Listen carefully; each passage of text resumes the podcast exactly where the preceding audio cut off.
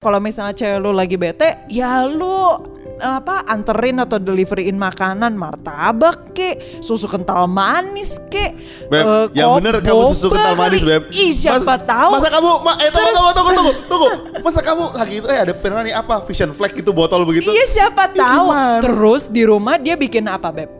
Kopi Bikin dalgona. soda gembira.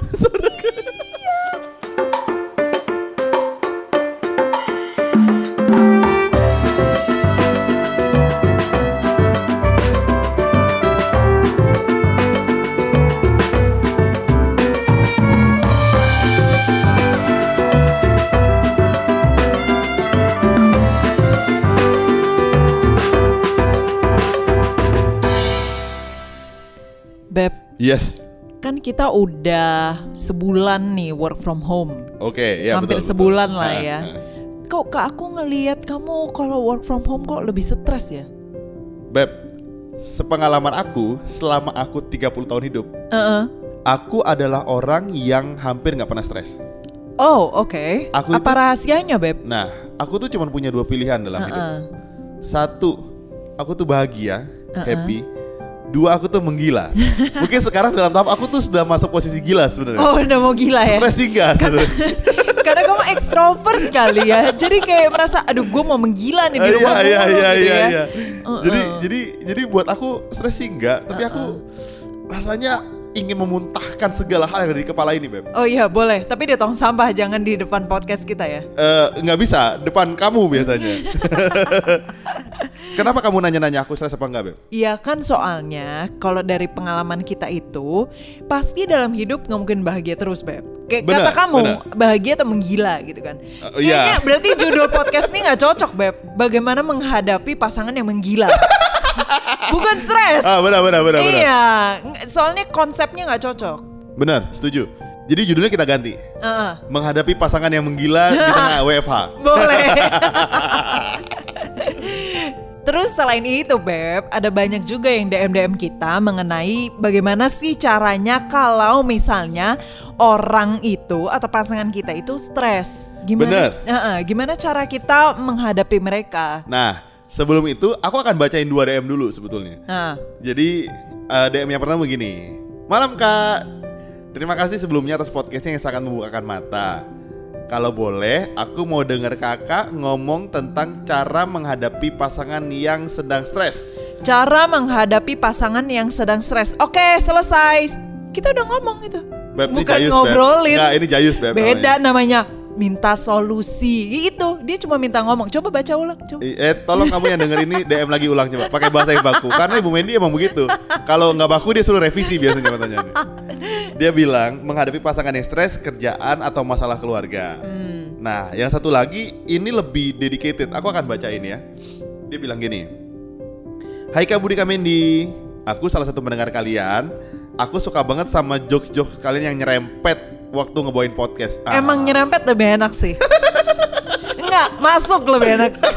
Jangan cuma nyerempet. Nah, enak kan langsung masuk ke poinnya kan. Iya. Jadi jadi gini, sebenarnya jokes kita nggak perlu kita ganti, Beb. Enggak. Karena ada yang suka sebenarnya. Ah, itu.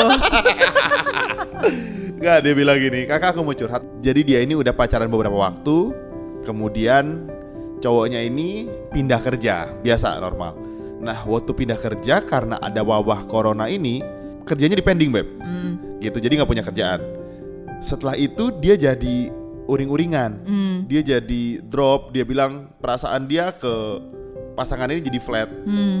nah dia dia bingung gitu dia mencoba untuk mengerti kondisinya dan mau memperjuangkan hubungan dia berdua Eh, Ya pokoknya intinya gimana caranya supaya kita bisa bantu dia menghadapi pasangan yang stres. iya benar karena juga kan sebulan nggak ketemu sama sekali. Kayak LDR gitu loh. Iya, bahasa kasihnya beda. Jadi dia stres. Dia ngomong ini terakhir sih. Adakah tips untuk memotivasi dia dan di tengah wabah ini? Bagaimana kami pasangan dengan love language physical touch dan quality time bisa merasa saling menyayangi? Nah ini bagus. Hmm, Jadi yang satu bahasa kasihnya physical touch, satu lagi quality time. Karena mereka nggak bisa ketemu, nggak bisa bersentuhan dan nggak bisa quality time. Gitu, Beb. gimana beb? Kalau kamu kan cowok, ini kan yang DM cewek. Jadi aku yang bales nih cewek nih. Iya, heeh. Oke, jadi gini. eh, ini aku bahas dari sudut pandang aku sebagai laki-laki ya. Karena menurut aku cowok itu nggak multitasking. Sebenarnya semua orang juga nggak multitasking sebetulnya, Beb. Tapi cowok tuh lebih lebih fokus sama masalahnya. Jadi kalau dia punya masalah, dia tuh mikirin itu terus dan itu uring-uringan biasanya. Apakah benar kalau misalnya orang-orang bilang cowok itu pikirannya kotak? Jadi dia cuma punya kotak-kotak doang. Kalau cewek itu lebih merge gitu kan, lebih menyatu semuanya jadi satu gitu. Kalau aku sih merasa pikiranku trapesium jajar genjang gitu ya. Oh, oke. Jadi nggak kotak sih. enggak, tabung, gitu ya. Tabung, gitu. Heeh. Tapi maksud gue ngerti kan, meskipun kotaknya itu berbentuk kubus, trapesium dan tabung, tapi dia tetap terkelompokkan. Iya iya. Jadi jadi Gitu dia kan? dia nggak bisa nyampur aduk. Dia bilang ada masalah Ah. nih. Dia fokus ke situ terus gitu. Iya. Itu yang bikin dia gampang stres sebetulnya. Itu yang bikin dia gampang frustasi lah gitu. Apalagi menyangkut pekerjaan karena kan pekerjaan menyangkut gaji, income, pemasukan itu kan harga dirinya. Jadi itu berat banget buat laki-laki. Hmm. Harga diri laki-laki ada di income dia. Eh, in some point ya gitu. Karena Oke, iya ya. karena kan gaji dia menentukan kapabilitas dia sebetulnya. I see. kemampuan dia atau karya dia menentukan siapa dia kan sebenarnya. Jadi jadi berat memang buat laki-laki. Jadi ketika kamu DM ini aku tuh merasa aku ngerti point of view-nya karena pasti berat buat dia. Bukan aku yang DM, dia yang DM. Dia. Oh iya iya iya iya iya. iya. dia yang DM. Jadi gue mau bilang sama kamu bahwa kondisinya berat buat dia.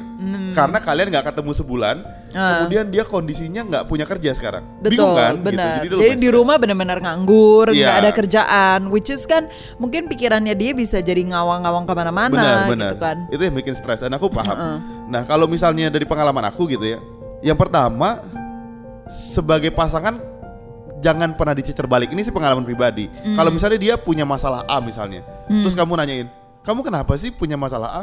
Masalah A itu kan begini-gini doang. Masalah A itu begini-gini. Kamu tuh sebagai oh, laki-laki tuh kayaknya bisa begini B deh. Stres dia tambah nanti malah. Hmm. Gitu. Tapi kayaknya bukan buat cowok sih, cewek juga kalau digituin sih sebel beb. Manusia secara umum Oh iya iya. sebel Iya. sih. Berarti ini sebelas ini secara umum sebetulnya. Iya. Enggak, maksudnya gini.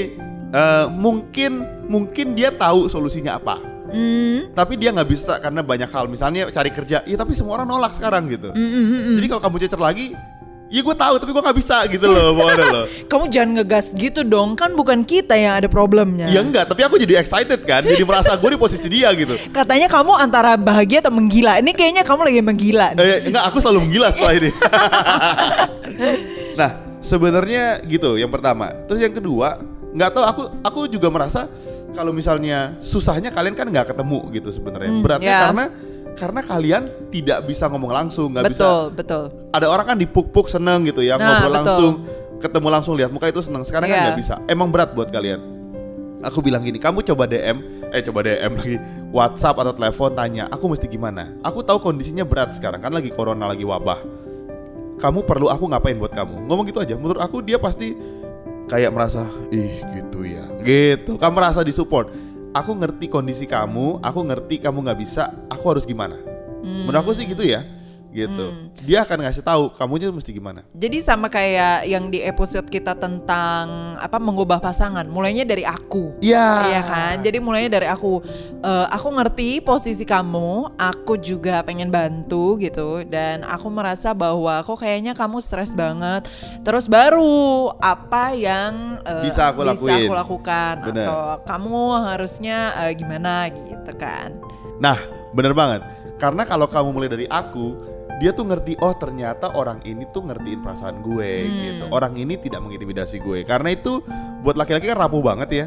Jadi aku sangat saranin sih kamu tanya terus jadi pribadi pokoknya jangan nyecer jangan rese gitu loh karena kondisinya lagi sulit. Nah, terus yang ketiga aku mau ngomong gini sebenarnya. Ini kan wabah yang tidak tidak dalam 50 tahun kita alami gitu. Yang yang tidak terjadi setiap tahun, tidak rutin menurut menurut aku saatnya kalian itu mikir kalian bisa lakuin apa kalau emang sekarang lagi nggak punya pilihan.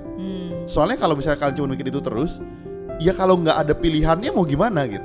Kan mesti kreatif kan. Heeh. Di masa-masa ini kan kalian bekerja lebih keras, berpikir lebih keras untuk bisa tahu kalian tuh mesti ngapain sebetulnya. Betul. Ketika kalian nggak ada pilihan, manusia itu punya kemampuan adaptasi yang bagus sebenarnya.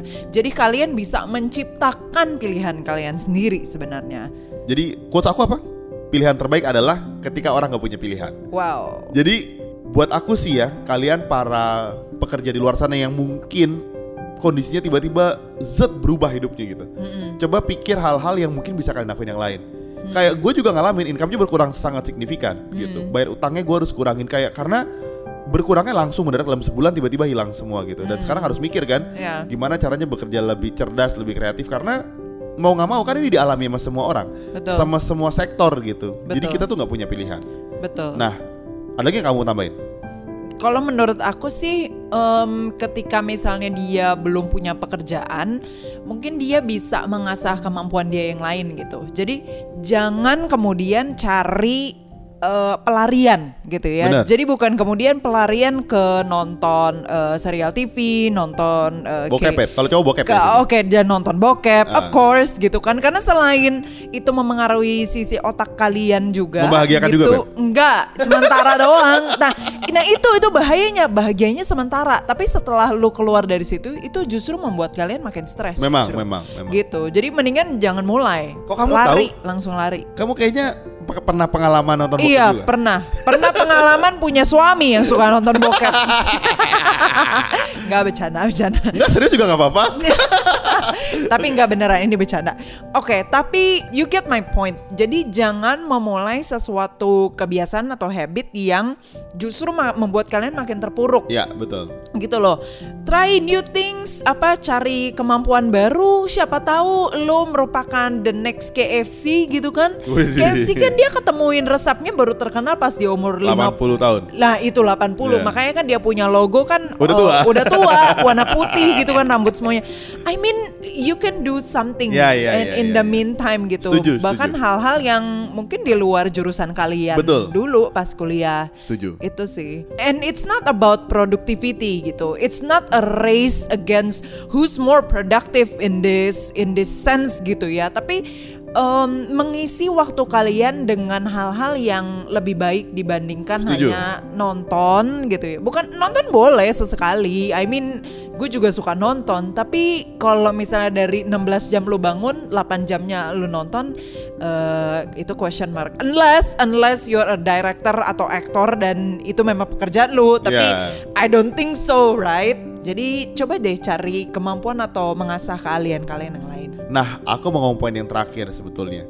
Ada pria-pria yang butuh disupport. Pria-pria yang butuh kalian Hmm. butuh eh, belayan. butuh eh, it- itu agak buruk karena ya. dia jarang dibelai. Itu iya itu benar. Tapi konteksnya buruk sebenarnya ya.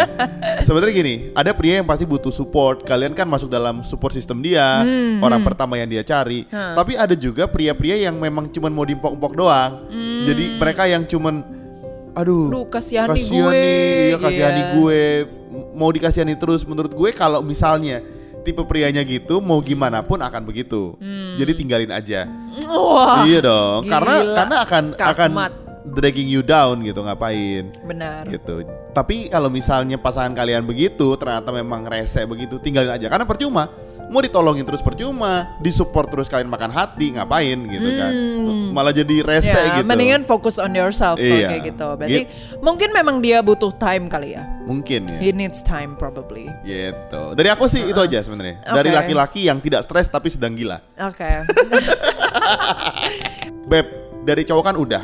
Aku ngasih perspektif laki-laki yang menurut aku Ah. kalau dia stres tuh dia gimana Ah-ah. dan apa yang dia butuhkan untuk supaya dia bisa bangkit lagi. Hmm. Nah, sekarang menurut kamu, kalau kamu stres gimana sebagai perempuan? Kalau stres itu eh, perempuan kadang kala ya. Kalau gue sih merasa kita lebih emosional dan titik poinnya itu biasanya karena eh, emosi, bukan karena finance atau bukan karena karir atau deadline or so, tapi lebih ke emosional aspeknya. Misalnya kalau ada deadline, kita lebih emosional karena misalnya bos kita killer, bos kita nyebelin. Bukan karena deadline-nya gitu. sebenarnya? Bukan, tapi karena eh, takut sama bos I misalnya see, gitu atau kalau misalnya kita stres karena eh, kerjaan terlalu banyak gitu, kita lebih stres karena em, mungkin kita kita punya me time jadi berkurang, kita jadi ya pokoknya aspek emosionalnya jadi terganggu. Kamu gitu. ngomong itu real banget kayaknya bosnya rese,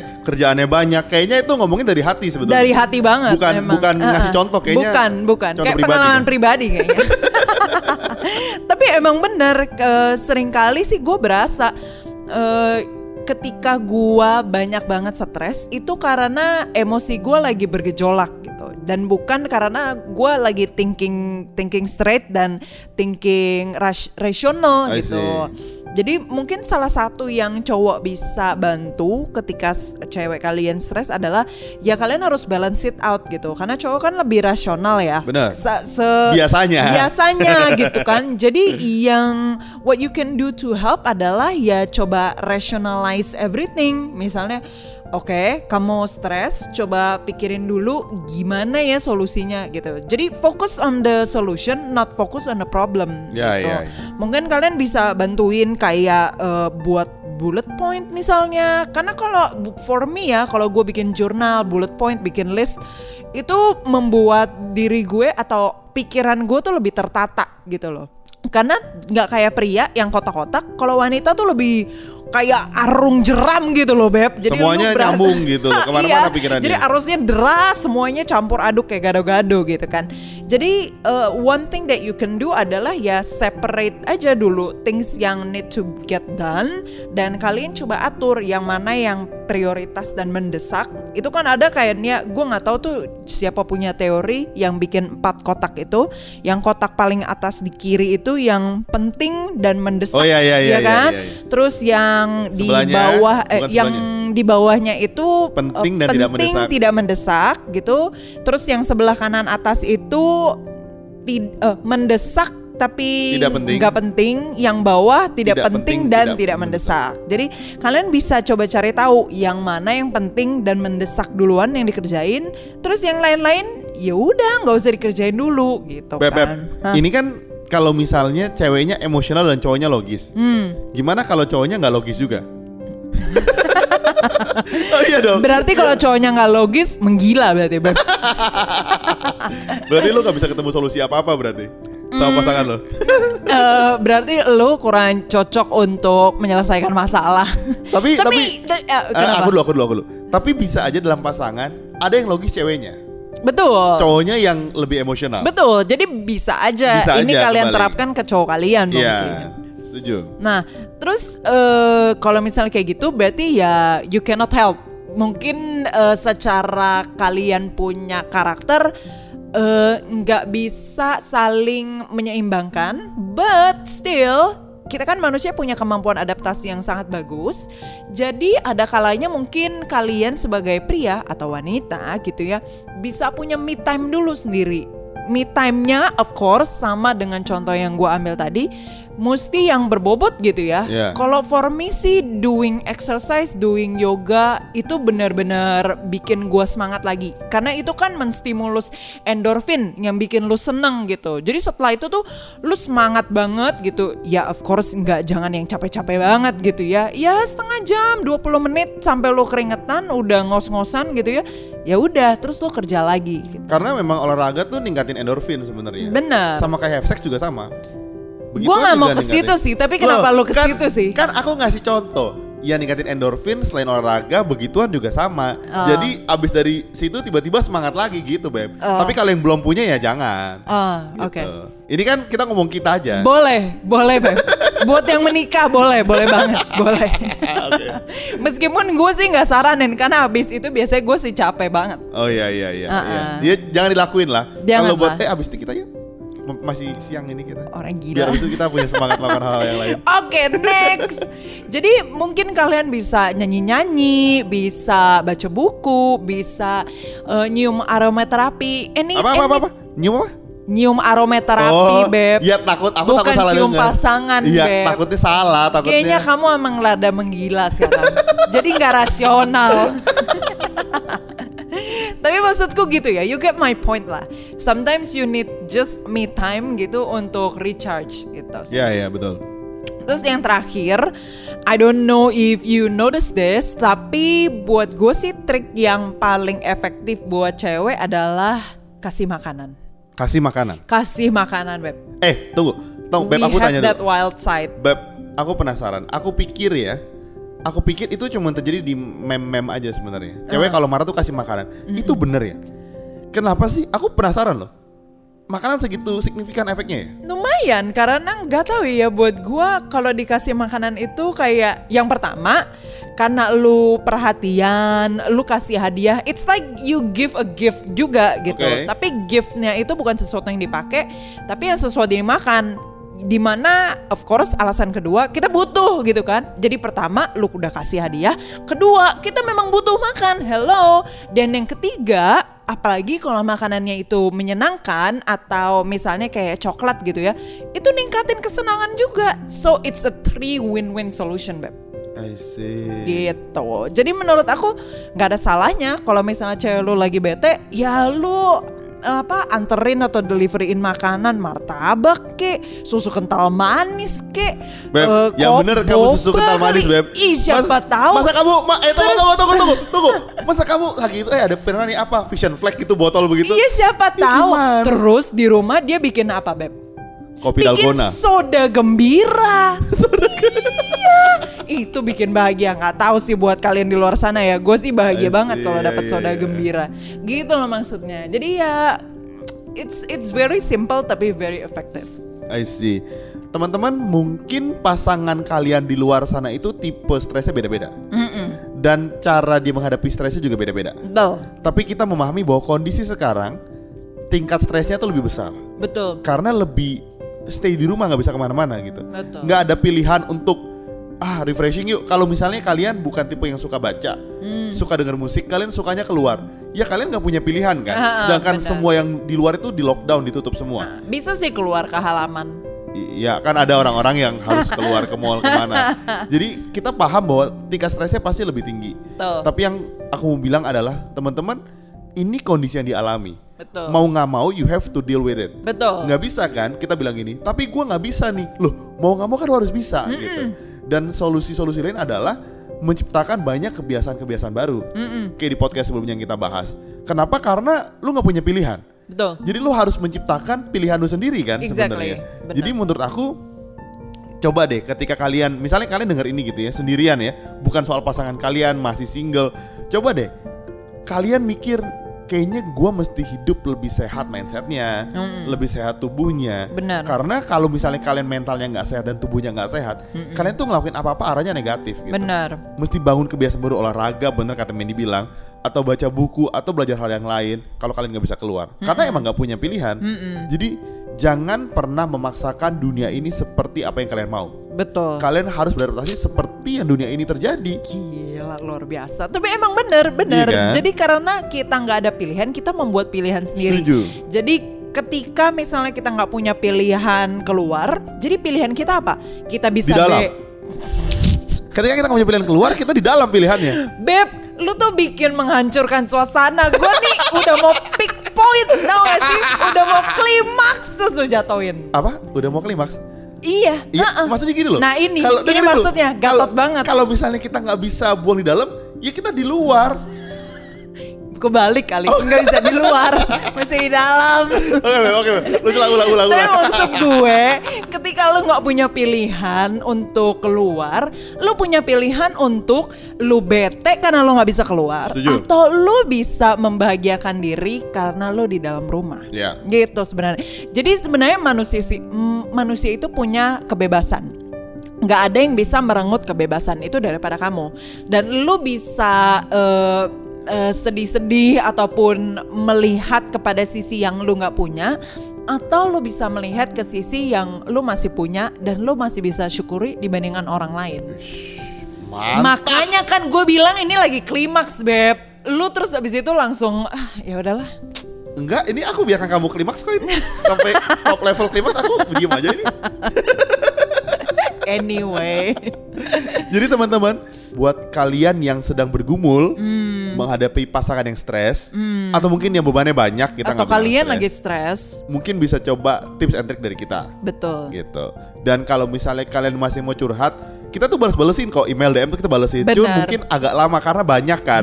Jadi yang mana duluan yang mana duluan gitu ya, karena banyak banget. Ah-ah. Jadi kalian bisa DM kita ke At pilotalk.podcast atau kalian bisa email kita ke pilotalkpodcast.id at gmail.com Nah, jadi sampai situ aja. Sampai jumpa di episode kita minggu depan. See ya!